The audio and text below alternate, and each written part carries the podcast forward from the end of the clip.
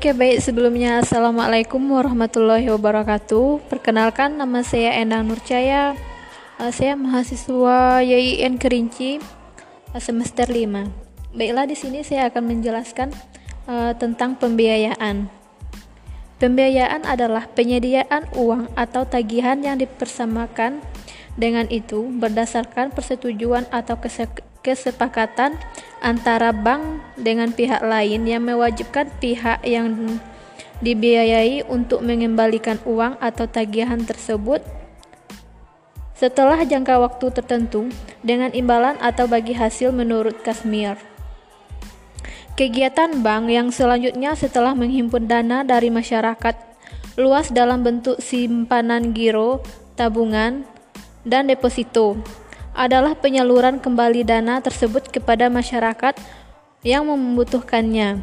Kegiatan pengalok, pengalok, pengalokasian dana ini dikenal juga dengan istilah penyaluran dana. Selanjutnya dikemukakan, dikemukakan oleh Antonio. Pembiayaan yaitu pemberian fasilitas penyediaan dana untuk memenuhi kebutuhan pihak-pihak yang merupakan divisi unit.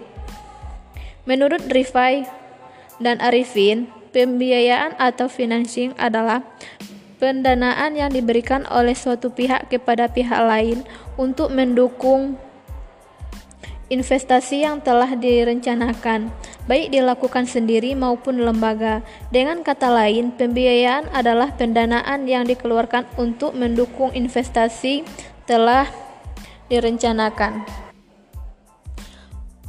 Adapun fungsi pembiayaan, menurut Rifai, pembiayaan mempunyai peranan yang sangat penting dalam perekonomian secara garis Secara garis besar, fungsi pembiayaan di dalam perekonomian, perdagangan, dan keuangan dapat dikemukakan, seba dikemukakan sebagai berikut. 1. Pembiayaan dapat meningkatkan utility atau daya, daya guna dari modal atau uang. 2. Pembiayaan meningkatkan utility atau daya guna suatu barang. 3. Pembiayaan meningkatkan peredaran dan lalu lintas barang. 4. Pembiayaan menimbulkan gairah usaha masyarakat. 5. Pembiayaan sebagai alat sta stabilisasi ekonomi.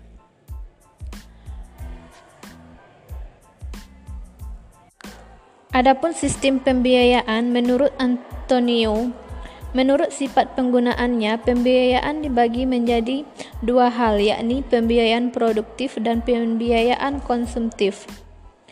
Uh, pembiayaan produktif adalah pembiayaan yang ditunjukkan untuk memenuhi kebutuhan produksi dalam arti luas, yaitu untuk meningkatkan usaha, baik usaha produksi, perdagangan, ataupun investasi.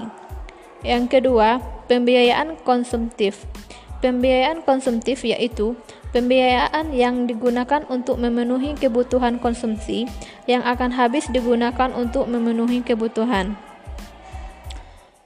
Selanjutnya, menurut menurut keperluannya, pembiayaan produktif dibagi menjadi dua. Eh, yang pertama, pembiayaan modal kerja.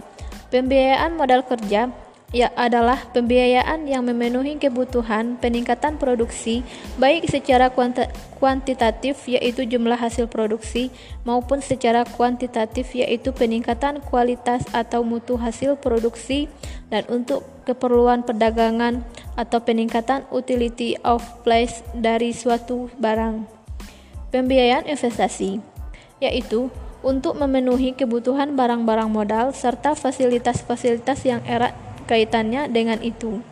Dalam buku bank, dalam buku bank syariah, dari teori ke praktis, menurut Antonio, pembiayaan modal kerja terdiri atas komponen-komponen alat likuid, piutang dagang, dan persediaan, yang umumnya terdiri atas persediaan bahan baku, persediaan barang dalam proses, dan persediaan barang jadi.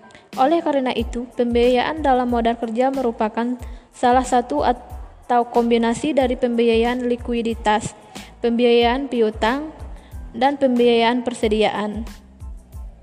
Pembiayaan konvensional Pembiayaan konvensional merupakan kegiatan penyaluran dana kepada masyarakat yang dilakukan oleh konvensional dalam perbankan konvensional. Pembiayaan lebih dikenal dengan istilah kredit atau pinjaman. Produk-produk pembiayaan syariah. 1. Pembiayaan murabah adalah transaksi jual beli di mana bank menyebut jumlah keuntungannya. Bank bertindak sebagai penjual sementara nasabah sebagai pembeli. Harga jual beli harga jual beli adalah harga beli bank dari pemasok ditambah keuntungan. Kedua pihak harus menyepakati harga jual dan jangka waktu pembayaran. Yang kedua, pembiayaan salam. Yang ketiga, pembiayaan istis, istisna. Prinsip se, prinsip sewa. Bentuk penyaluran dana oleh oleh perbankan syariah melalui prinsip prinsip persewaan dapat dilakukan dengan akad tijarah atau ijarah. Uh, itulah yang dapat saya jelaskan. Jika terdapat kesalahan, saya mohon maaf. Saya tutup dengan Assalamualaikum warahmatullahi wabarakatuh.